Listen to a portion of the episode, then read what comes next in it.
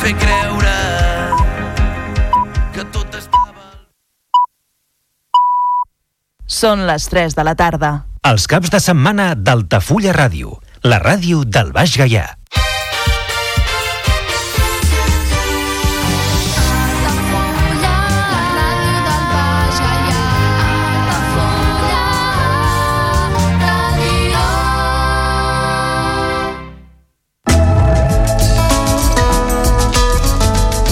L'agenda a Altafulla Ràdio. La vida de les elits, vora Tàrraco. Diumenge, 14 de gener, d'11 del matí a dos quarts d'una de migdia, a la Vila Romana dels Munts. Preu, 5 euros. Venda d'entrades, www.emnat.cat. Club de lectura Relat Curt. Debat, al parquet de tot plegat, de Quim Monzó. Dimarts, 16 de gener, a les 6 de la tarda, a la biblioteca. Cineclub Link, Mogul Mowgli, de Besant Tariq, amb Riz Ahmed. Divendres, 19 de gener, a les 8 de la tarda, a la Violeta. No recomanada a menors de 16 anys. Aportació de 5 euros, públic general, de 3 euros per a socis i sòcies amb abonament i de 2 euros per a menors de 25 anys. Taller pràctic, els secrets de l'aloe vera, a càrrec de Rosa Llora. Dissabte, 20 de gener, de 10 del matí a 1 de migdia, al Centre d'Entitats. Organitza Ateneu de Dones d'Altafulla. Audiència pública, presentació del pressupost del 2024 i inversions previstes. Dissabte, 20 de gener, a dos quarts d'onze de matí, a la sala de plens de l'Ajuntament. Tarda de jocs en família per a nens i nenes de 4 a 10 anys. Dimarts, 23 de gener, a les 5 de la tarda, a la biblioteca. Places limitades. Reserves al 608 58 95 30. Club de lectura, Literatures del món, Literatura del Pròxim Orient. Dijous, 25 de gener, a les 6 de la tarda, a la biblioteca. Festival Ànima Jove, divendres 26 i dissabte 27 de gener a la Violeta. Club de lectura feminista, lectura rebels, debat del llibre Sota el signe del drac, de Mercè Marçal. Dissabte 27 de gener a les 12 de migdia a la Pallissa, del carrer Vinyet. Visita guiada a la desembocadura del Gallà i Hort de la Sínia, diumenge 28 de gener, d'11 del matí a 1 de migdia, en punt de sortida des del Club Marítim Altafulla. Col·laboració 3 euros. Contacte i reserves al 655 48 61 15 i a joan arroba hordelacínia.com. Club de lectura de novel·la eròtica, debat què estàs esperando, de Megan Maxwell. Dimarts 30 de gener a dos quarts de sis de la tarda a la biblioteca. Aula universitària de la gent gran, l'art de viure 120 anys o com donar guerra fins que el cos aguanti, a càrrec d'Elias Torres Claravalls. Dimarts 30 de gener a les 6 de la tarda a l'esplai de la gent gran. Cal inscripció prèvia a activitats arroba altafulla.cat o al 689 72 49 07. Club de lectura en italià, debat del llibre Luci di Natale, de Grazia Deleda. Dimecres 31 de gener a dos quarts de 6 de la tarda a la biblioteca. Visites guiades a la Vila Closa d'Altafulla, cada primer dissabte de mes a les 11 del matí, amb sortida des de la porta reixada del castell. Preu de la visita, 4 euros. Més informació i reserves a l'oficina de turisme d'Altafulla i al telèfon 977 65 14 26. Visites guiades al castell d'Altafulla, cada primer dimarts i últim dissabte de mes de 10 del matí a 1 de migdia. Més informació i reserves a l'oficina de turisme d'Altafulla i al telèfon 977 65 14 26.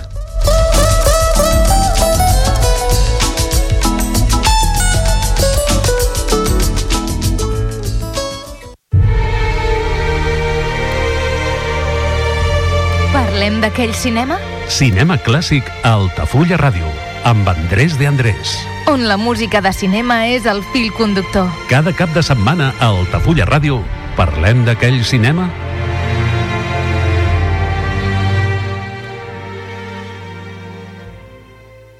Benvinguts a l'espai radiofònic Parlem d'aquell cinema que presenta Andrés de Andrés, un servidor de vostès.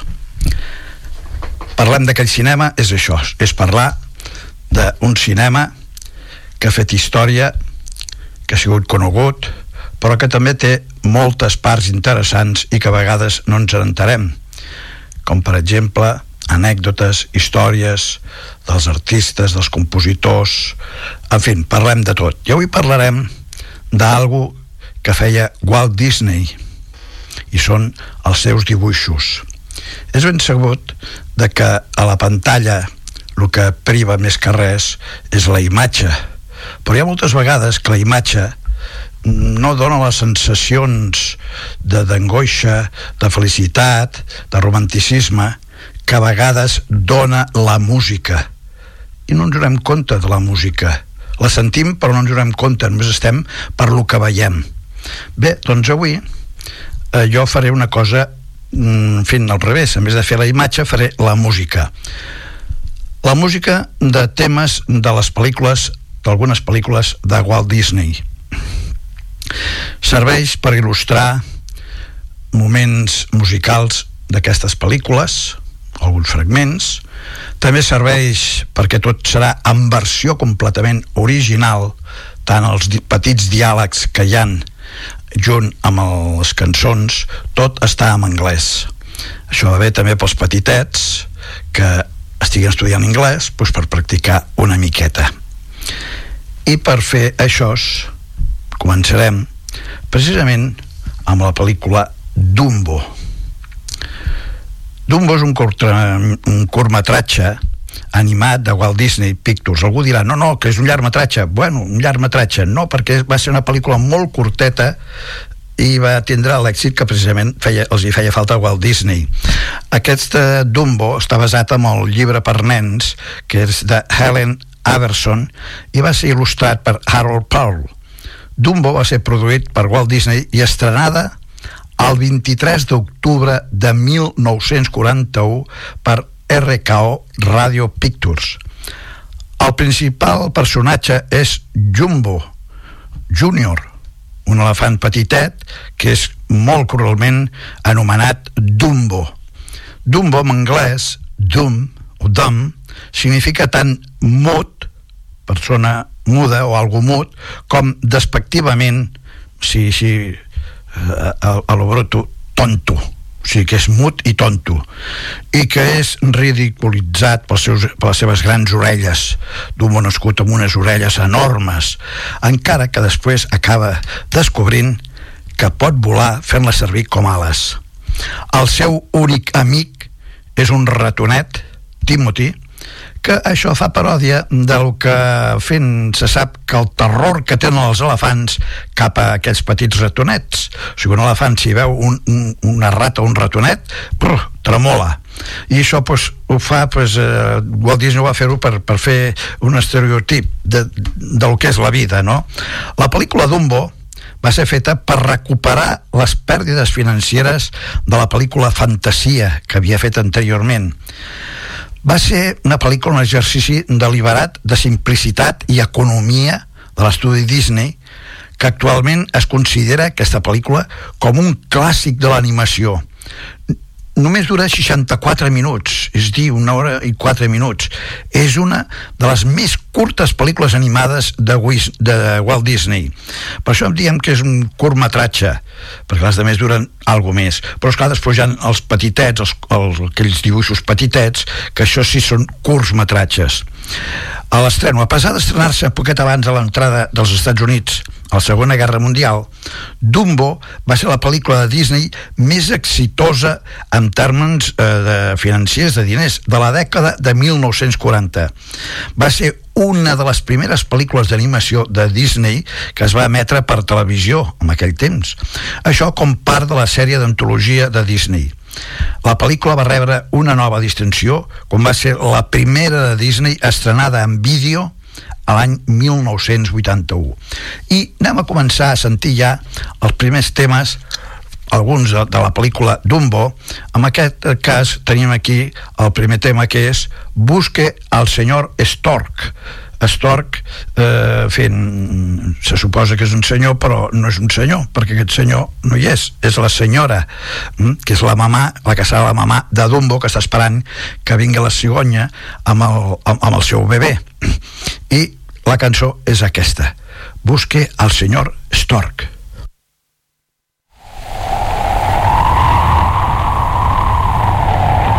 Through the snow and sleet and hail the blizzard, through the gale, through the wind and through the rain, over mountain, over plain, through the blinding lightning flash, and the mighty thunder crash. Ever faithful, ever true. Nothing stops him. He'll get through.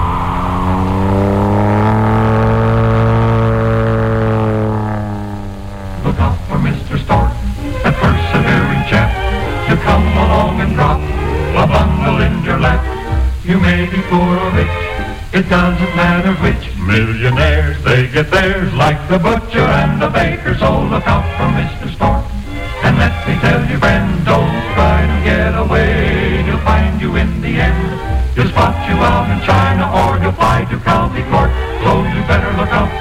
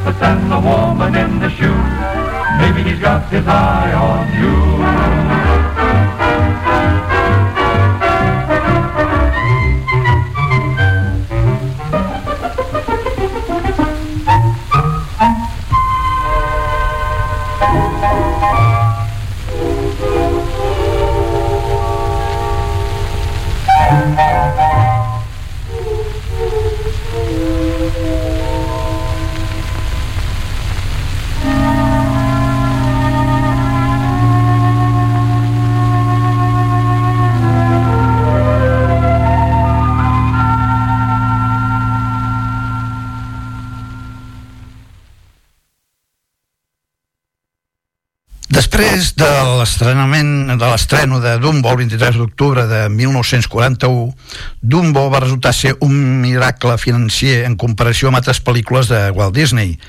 La senzilla pel·lícula Dumbo només va costar 813.000 dòlars, la meitat del cost que va ser de Blancaneus, menys d'un terç que Pinocho i, des de luego, molt menys costosa que la gran fantasia. Dumbo va recaudar un milió 600 milió, o sigui 1.600 milions de dòlars amb la seva versió original. 1.600 milions de dòlars. La pel·lícula eh, anava a estar a la portada de l'edició de desembre de 1941 de la revista Time. Però la idea es va abandonar després que els japonesos van bombardejar Pearl Harbor, el que va provocar l'entrada dels Estats Units amb la Segona Guerra Mundial i la reducció d'ingressos de taquilla de la pel·lícula. Ara, actualment, es considera un clàssic de Disney. El crític de cine Leonard Maltin el va descriure com una de les més encantadores pel·lícules de dibuixos animats de Walt Disney ha sigut objecte d'una edició especial pel seu 60 aniversari el 23 d'octubre de 2001. La seva aparició va incloure l'adelanto d'una seqüela pensada directament pel seu llançament, llançament en vídeo que s'ha titulat Dumbo 2 la vista prèvia mostrava fent uns, uns bossetos a idees del guió eh, gràfic la història principal presentava Dumbo amb els seus nous amics fora del circ i anant per la gran ciutat els nous amics de Dumbo són Claude i Loli, els ossos eh, bessons que armen el caos allà on volen que vagin, allà l'armen grossa. Després està Godfrey, l'hipopòtamo, que és més gran i vol fer coses per si mateix, i després tenim a Penny, l'avestruz aventurer. Però el projecte de Dumbo sembla que va ser cancel·lat. Anem a sentir un altre tema d'aquesta pel·lícula de Dumbo. Ara tenim a...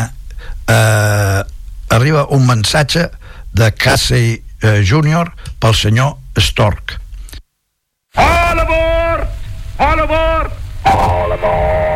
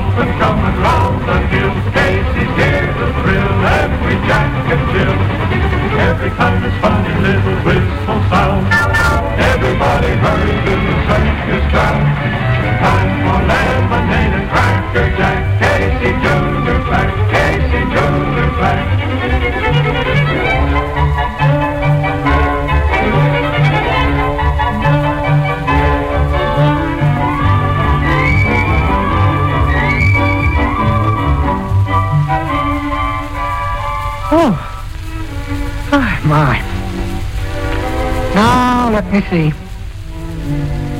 Must be right around here somewhere. I hope. Oh, watch it there.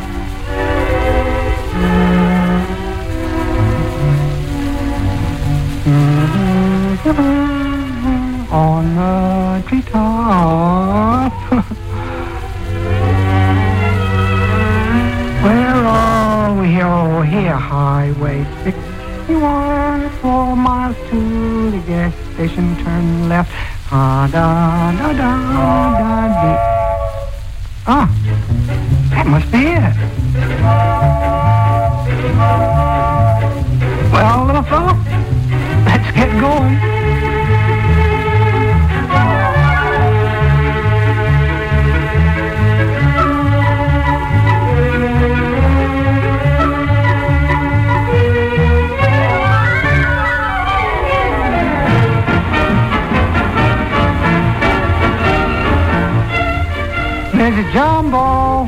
Oh, Mrs. Jumbo. Calling Mrs. Jumbo. Mrs. Jumbo. Oh, sorry.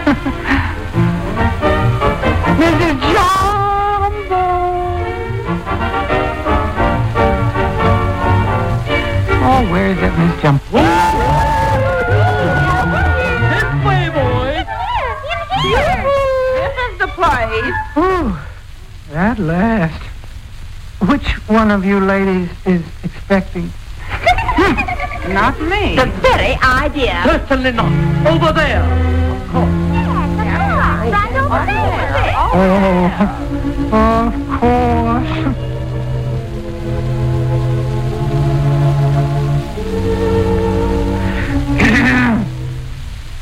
Here is a baby with eyes of blue, straight from heaven right to you. Or, straight from heaven up above, here is a baby for you to love. Sign here, please.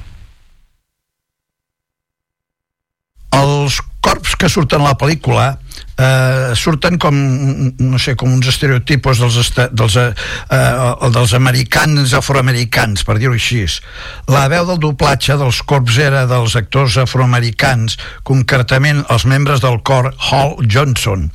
A pesar de les crítiques de Richard Schickel que ha parlat de certa actitud racista, uns altres analistes rebutgen aquestes al·legacions afirmant que els corps són qui simpatitzen amb la difícil situació que es troba Dumbo.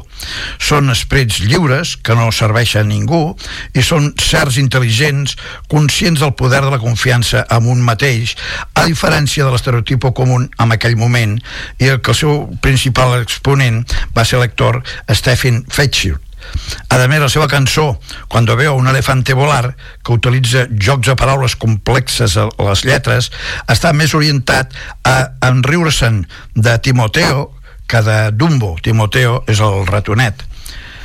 Anem a sentir un altre tema. Ara mateix tenim, per exemple una cançó dedicada a Dumbo.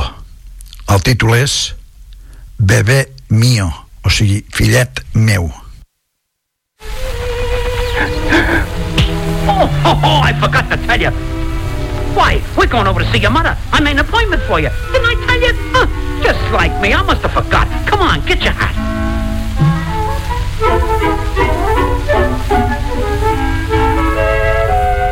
No, right over there. Cozy little place, ain't it?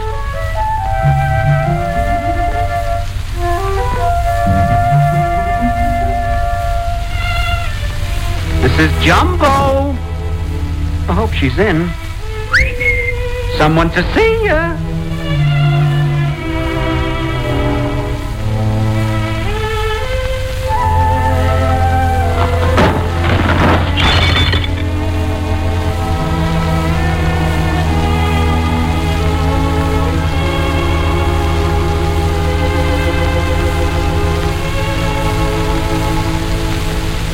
Mm-hmm.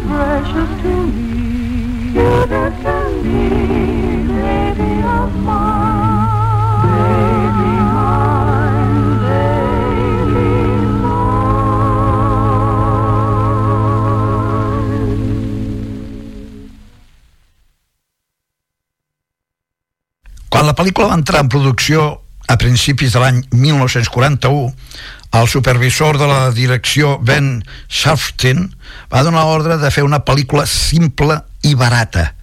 En conseqüència, Dumbo no té luxes de detalls. Dels tres títols d'animació anteriors de Disney, Fantasia, Pinocho i Blancaneus i els set nanos, el disseny dels personatges aquí és més simple. Els fondos són menys detallats i una sèrie de quadros es van fer servir amb l'animació de personatges. Anem a sentir un altre tema.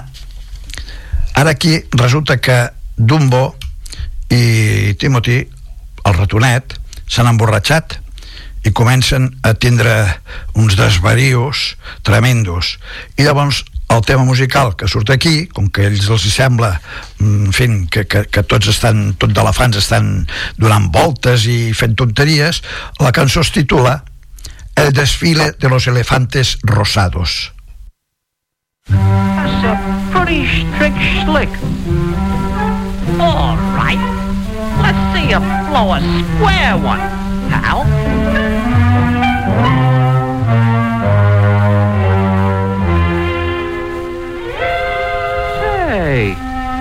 Very, very clever. Now blow a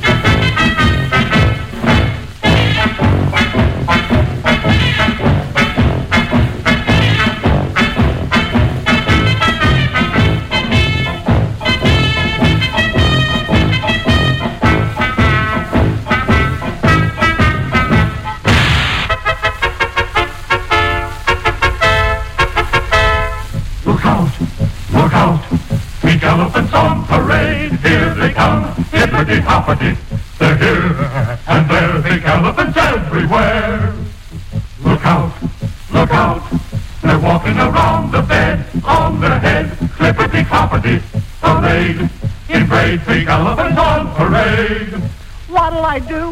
What'll I do? What an unusual view. I can stand the sight of worms and look at microscopic germs. A technicolor pachyderms is really too much for me.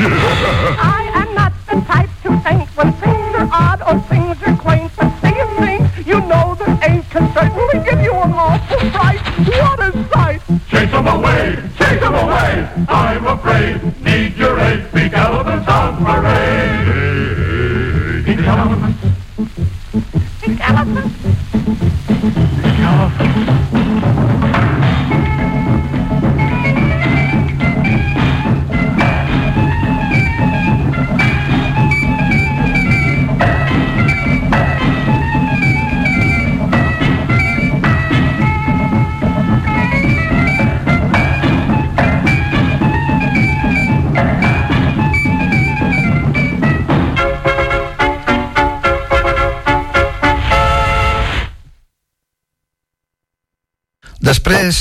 d'aquesta eh, borratxera, quan ja ha passat diverses hores, es desperten, com és lògic, amb una ressaca, en fi, tremenda, i es donen compte de que Dumbo està a dalt de tot de la rama d'un arbre.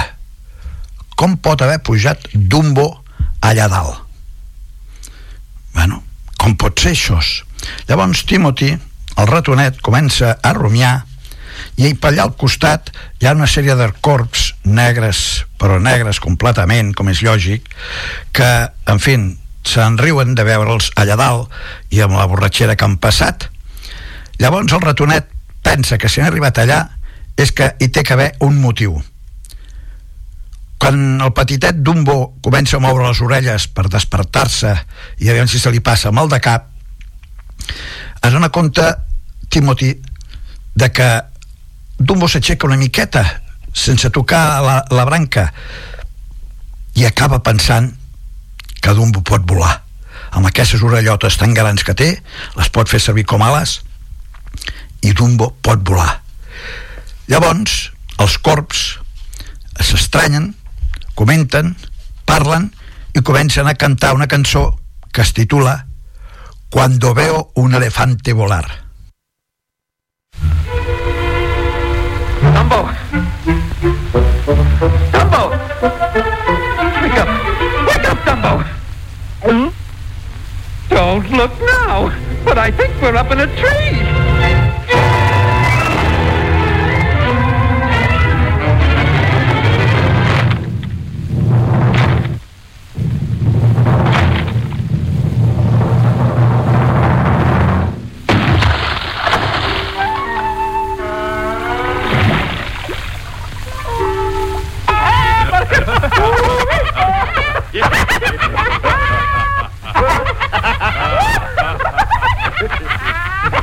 Ah, don't pay no attention to them scarecrows. Come on, Dumbo. Let's get back to the circus. So long, boy!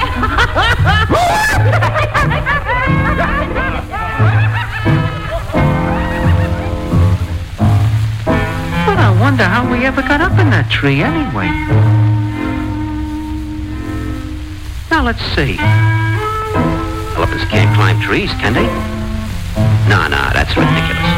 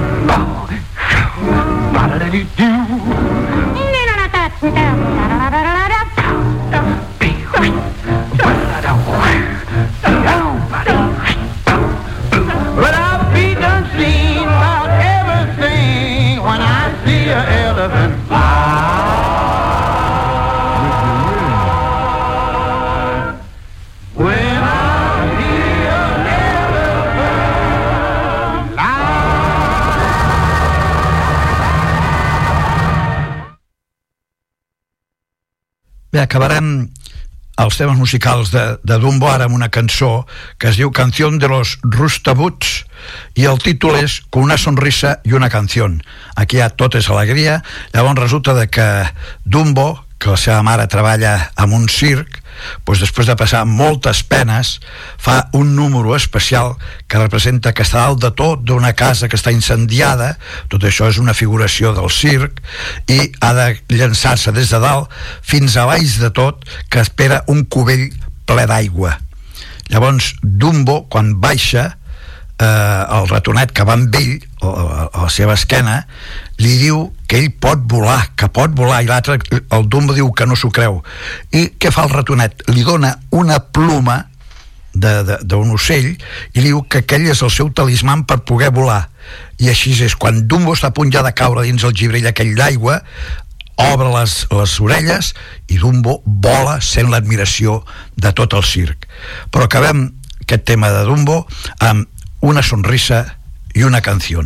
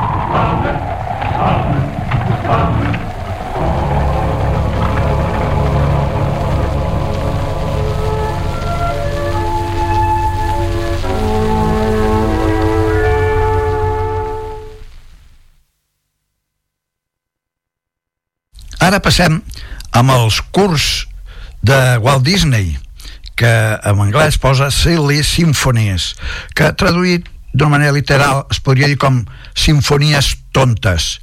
I va ser una sèrie de curtmetratges animats produïts per Walt Disney Productions entre 1929 i 1939 una dècada de grans èxits en curtmetratges. A diferència de les sèries de Mickey Mouse, eh, o sigui, eren unes curtmetratges també, de Mickey, però sempre sortia Mickey, eh, Silly Symphonies no feia servir personatges continus, o sigui que cada pel·lícula pues, eren personatges diferents, accions diferents, però el Pato Donald va tindre també la seva primera aparició amb un curt de Silly Sinfonies, de Sinfonies Tontes, The Wise Little Hen, de l'any 1934, i la primera aparició de Pluto sense la companyia de Mickey va ser també amb un curt de Silly Symphonies en Just Dogs de l'any 1932 bé, anem a veure doncs aquesta mm, Sinfonia del Corral com es diu aquest títol i no és res més que uns temes musicals però que els animalets d'un corral gallines, bous mm, fent cavalls ànecs tots participen amb, el, amb els seus cants per fer la música d'aquesta peça. Anem a sentir doncs la primera part de Sinfonia del Corral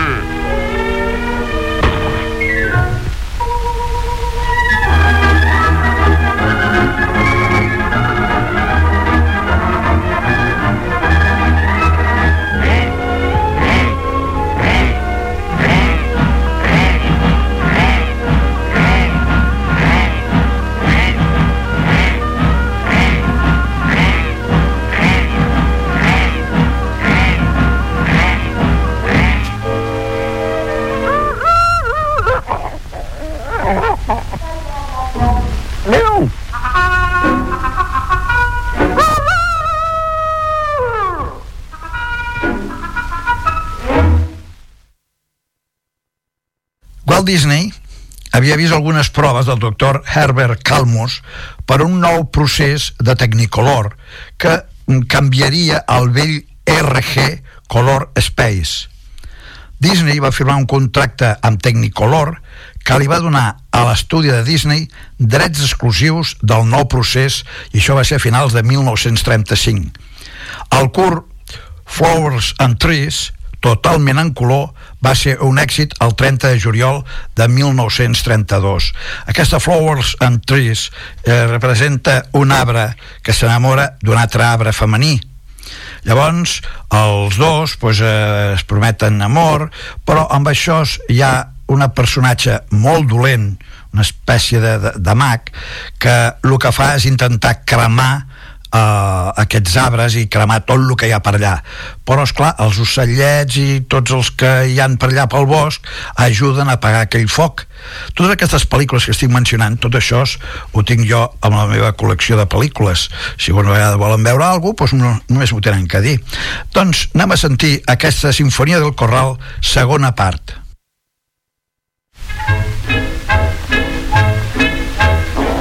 Oh,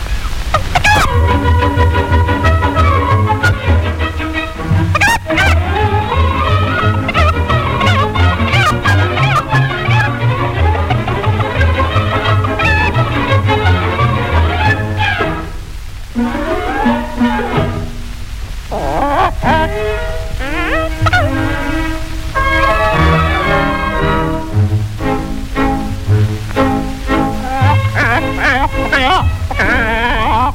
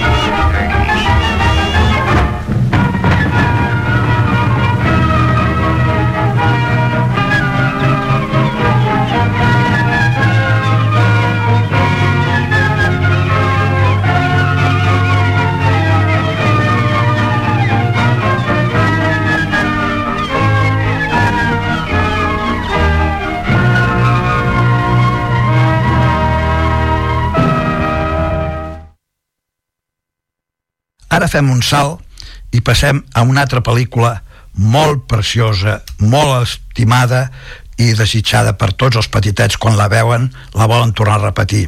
Walt Disney i els seus productors amb aquestes pel·lícules tenien la costum de fer que cada 10 anys cada 10 anys tornaven a repetir les pel·lícules amb edició de venda al públic. Per què? Pues perquè aquells que l'havien vist feia 10 anys enrere, ja tenien 10 anys, ja començaven a ser persones ja adolescents i camí de, de ser adults. Però, és clar, durant tot aquest temps havien nascut més criatures i les pel·lícules són aptes per criatures llavors què passa?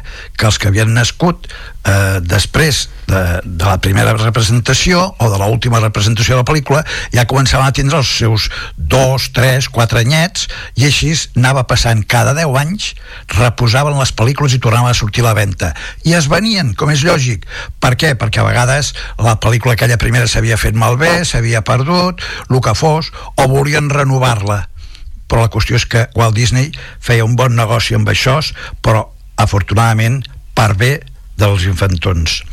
Bueno, anem a, a parlar ara de Pinocho.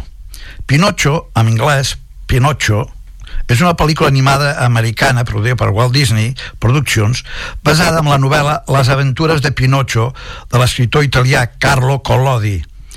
És el segon llargmetratge animat de Disney després de Blancanieves i los siete nanitos.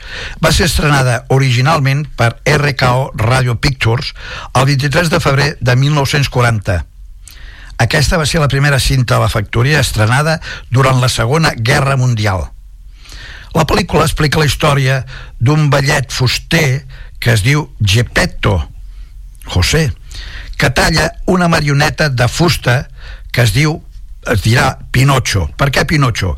Perquè el tros de fusta que aquest fuster o aquest tallador de fusta fa servir és precisament un tros de fusta de pi i d'aquí ve lo de Pinocho Va, la marioneta o el títere agafa vida gràcies a una fada blava que li promet que pot convertir-se en un nen de veritat si prova ser bo, sincer i generós. Els esforços de Pinocho per convertir-se en un nen de veritat impliquen trobades amb una gran quantitat de personatges mal influents. Però Pinocho té com si fos la seva ànima o la seva responsabilitat un petit grill un petit grill que es dirà Pepito Grillo i ell li diu que quan vegi una cosa que Pinocho no ha de fer li farà un xiulet bé, doncs llavors la pel·lícula eh, eh va vessant amb l'ajuda d'aquest Pepito Grillo. Anem a sentir el primer tema que és quan la fada es presenta és una estrella que arriba al quarto on està el ninot Pinocho i es transforma en una fada i li desitja que faci de nen però en vida sent de fusta i si es porta bé la fada el convertirà en un nen de debò de carn i ossos. Anem a sentir aquesta peça, que és una de les peces més boniques que hi han de les sèries de Walt Disney, que es diu Cuando deseas una estrella.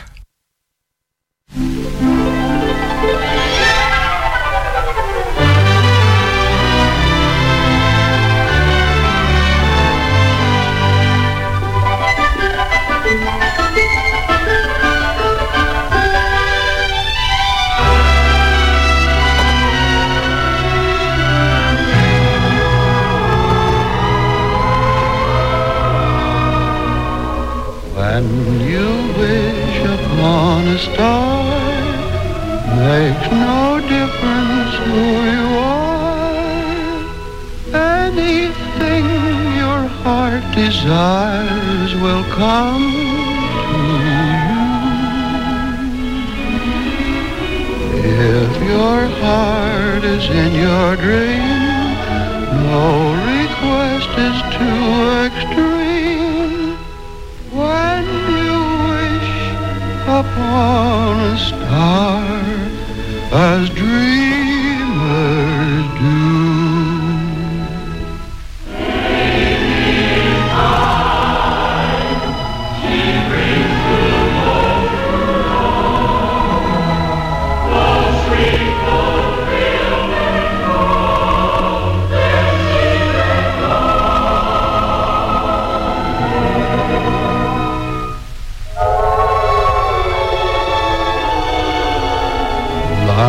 boat out of the blue. Fate steps in and sees you through. You wish upon a star, your dreams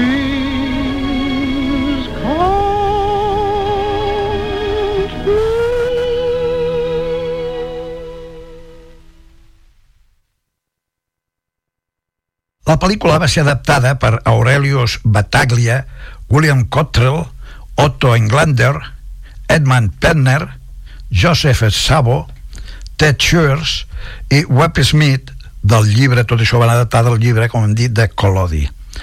La producció va ser supervisada per Ben Sarfton i Hamilton Lutz i les seqüències de la pel·lícula van ser dirigides per Norman Ferguson, T. He, Wilfred Jackson, Jack Kinney i Bill Roberts. Pinocho va ser una gran conseqüència sense precedents amb l'àrea d'efectes d'animació. Van donar moviment realista als vehicles, maquinàries i elements naturals, com per exemple la pluja, els llampecs, el fum, les ombres i l'aigua. Amb aquesta pel·lícula van aconseguir els primers efectes molt realistes d'això que hem mencionat. Anem a sentir el segon tema de Pinocho. Aquí tenim el que hem dit abans. Silbar un poco, dame un silbidito.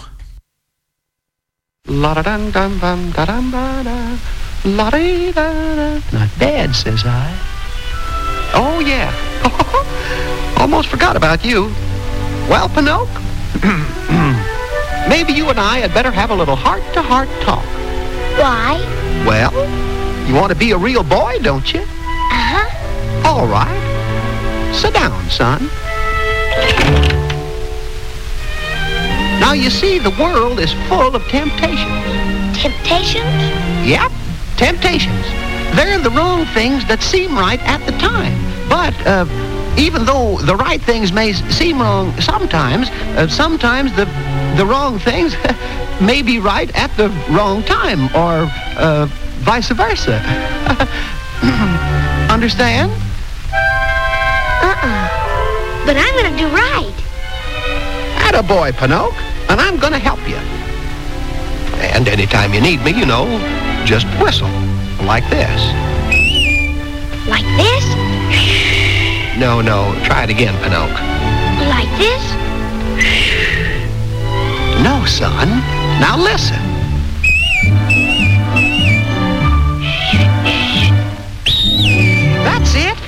Now. Let's sing it.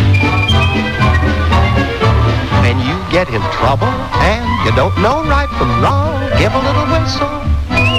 Give a little whistle. When you meet temptation and the urge is very strong, give a little whistle. Give a little whistle. Not just a little squeak, pucker up and blow. And if your whistle's weak, yell, Jiminy Cricket! Take the straight and narrow path, and if you start to slide, give a little whistle. Give a little whistle. And always let your conscience be your guide.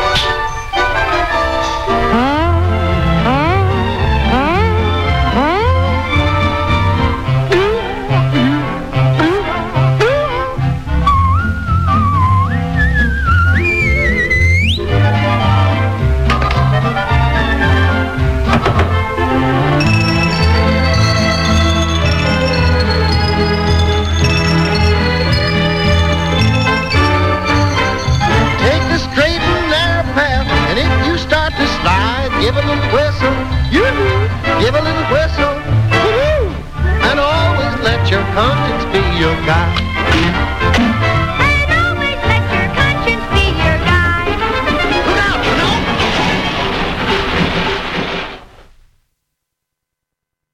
Un anàlisi crític de Pinocho, d'aquesta pel·lícula, el conte, l'identifica com una fàbula que els ensenya als nens els beneficis del treball dur i dels valors de la classe mitjana.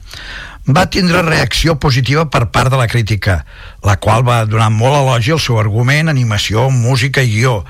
a pesar que es va convertir en la primera pel·lícula animada en guanyar un premi de l'Acadèmia, rebent dos, la millor banda sonora i la millor cançó original, eh, la que ja hem sentit abans, de la, quan deseas una estrella.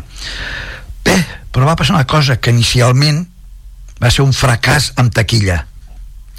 Bueno, però va tindre unes, unes, uns beneficis fins al seu restreno a l'any 1945 aquí va començar ja a guanyar cèntims. I amb l'actualitat se'l considera com una de les millors pel·lícules d'animació de la història i reconeguda com a obra clàssica de l'animació. Té una qualificació del 100% d'aprovació amb el lloc web Rotten Tomatoes i a més ocupa el segon lloc amb el AFI 10 Top 10 amb la categoria d'animació.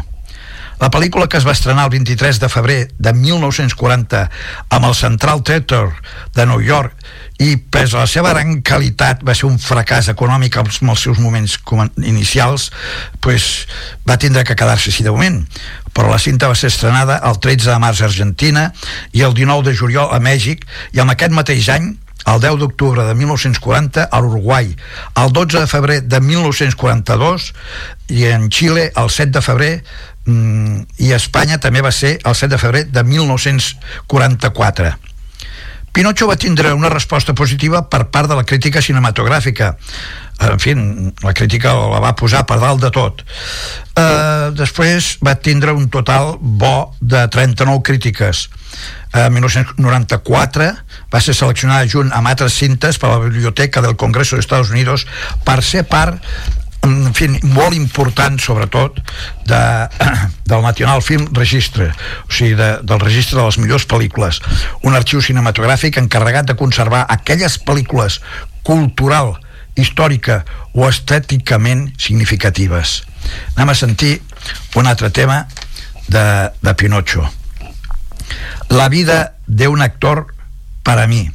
Pinocho després de ser enganyat per uns parell de, de, vibron, de bribons, eh, és vengut amb un, amb un home que té un teatre de marionetes i és clar, com que és de fusta però a més a més té vida pròpia aquest home el fa fer servir com una de les seves figures principals. I el títol de la cançó és La vida d'un actor no és para mi. Let me handle this. Here he comes. Ah, yes, Kitty. As I was saying to the Duchess only yesterday. Oh, oh, how clumsy of me. Oh, my, my, my, my. Oh, I'm terribly sorry. Oh, I do hope you're not injured. I'm all right. Oh, splendid. Well, well. Quite a scholar, I see.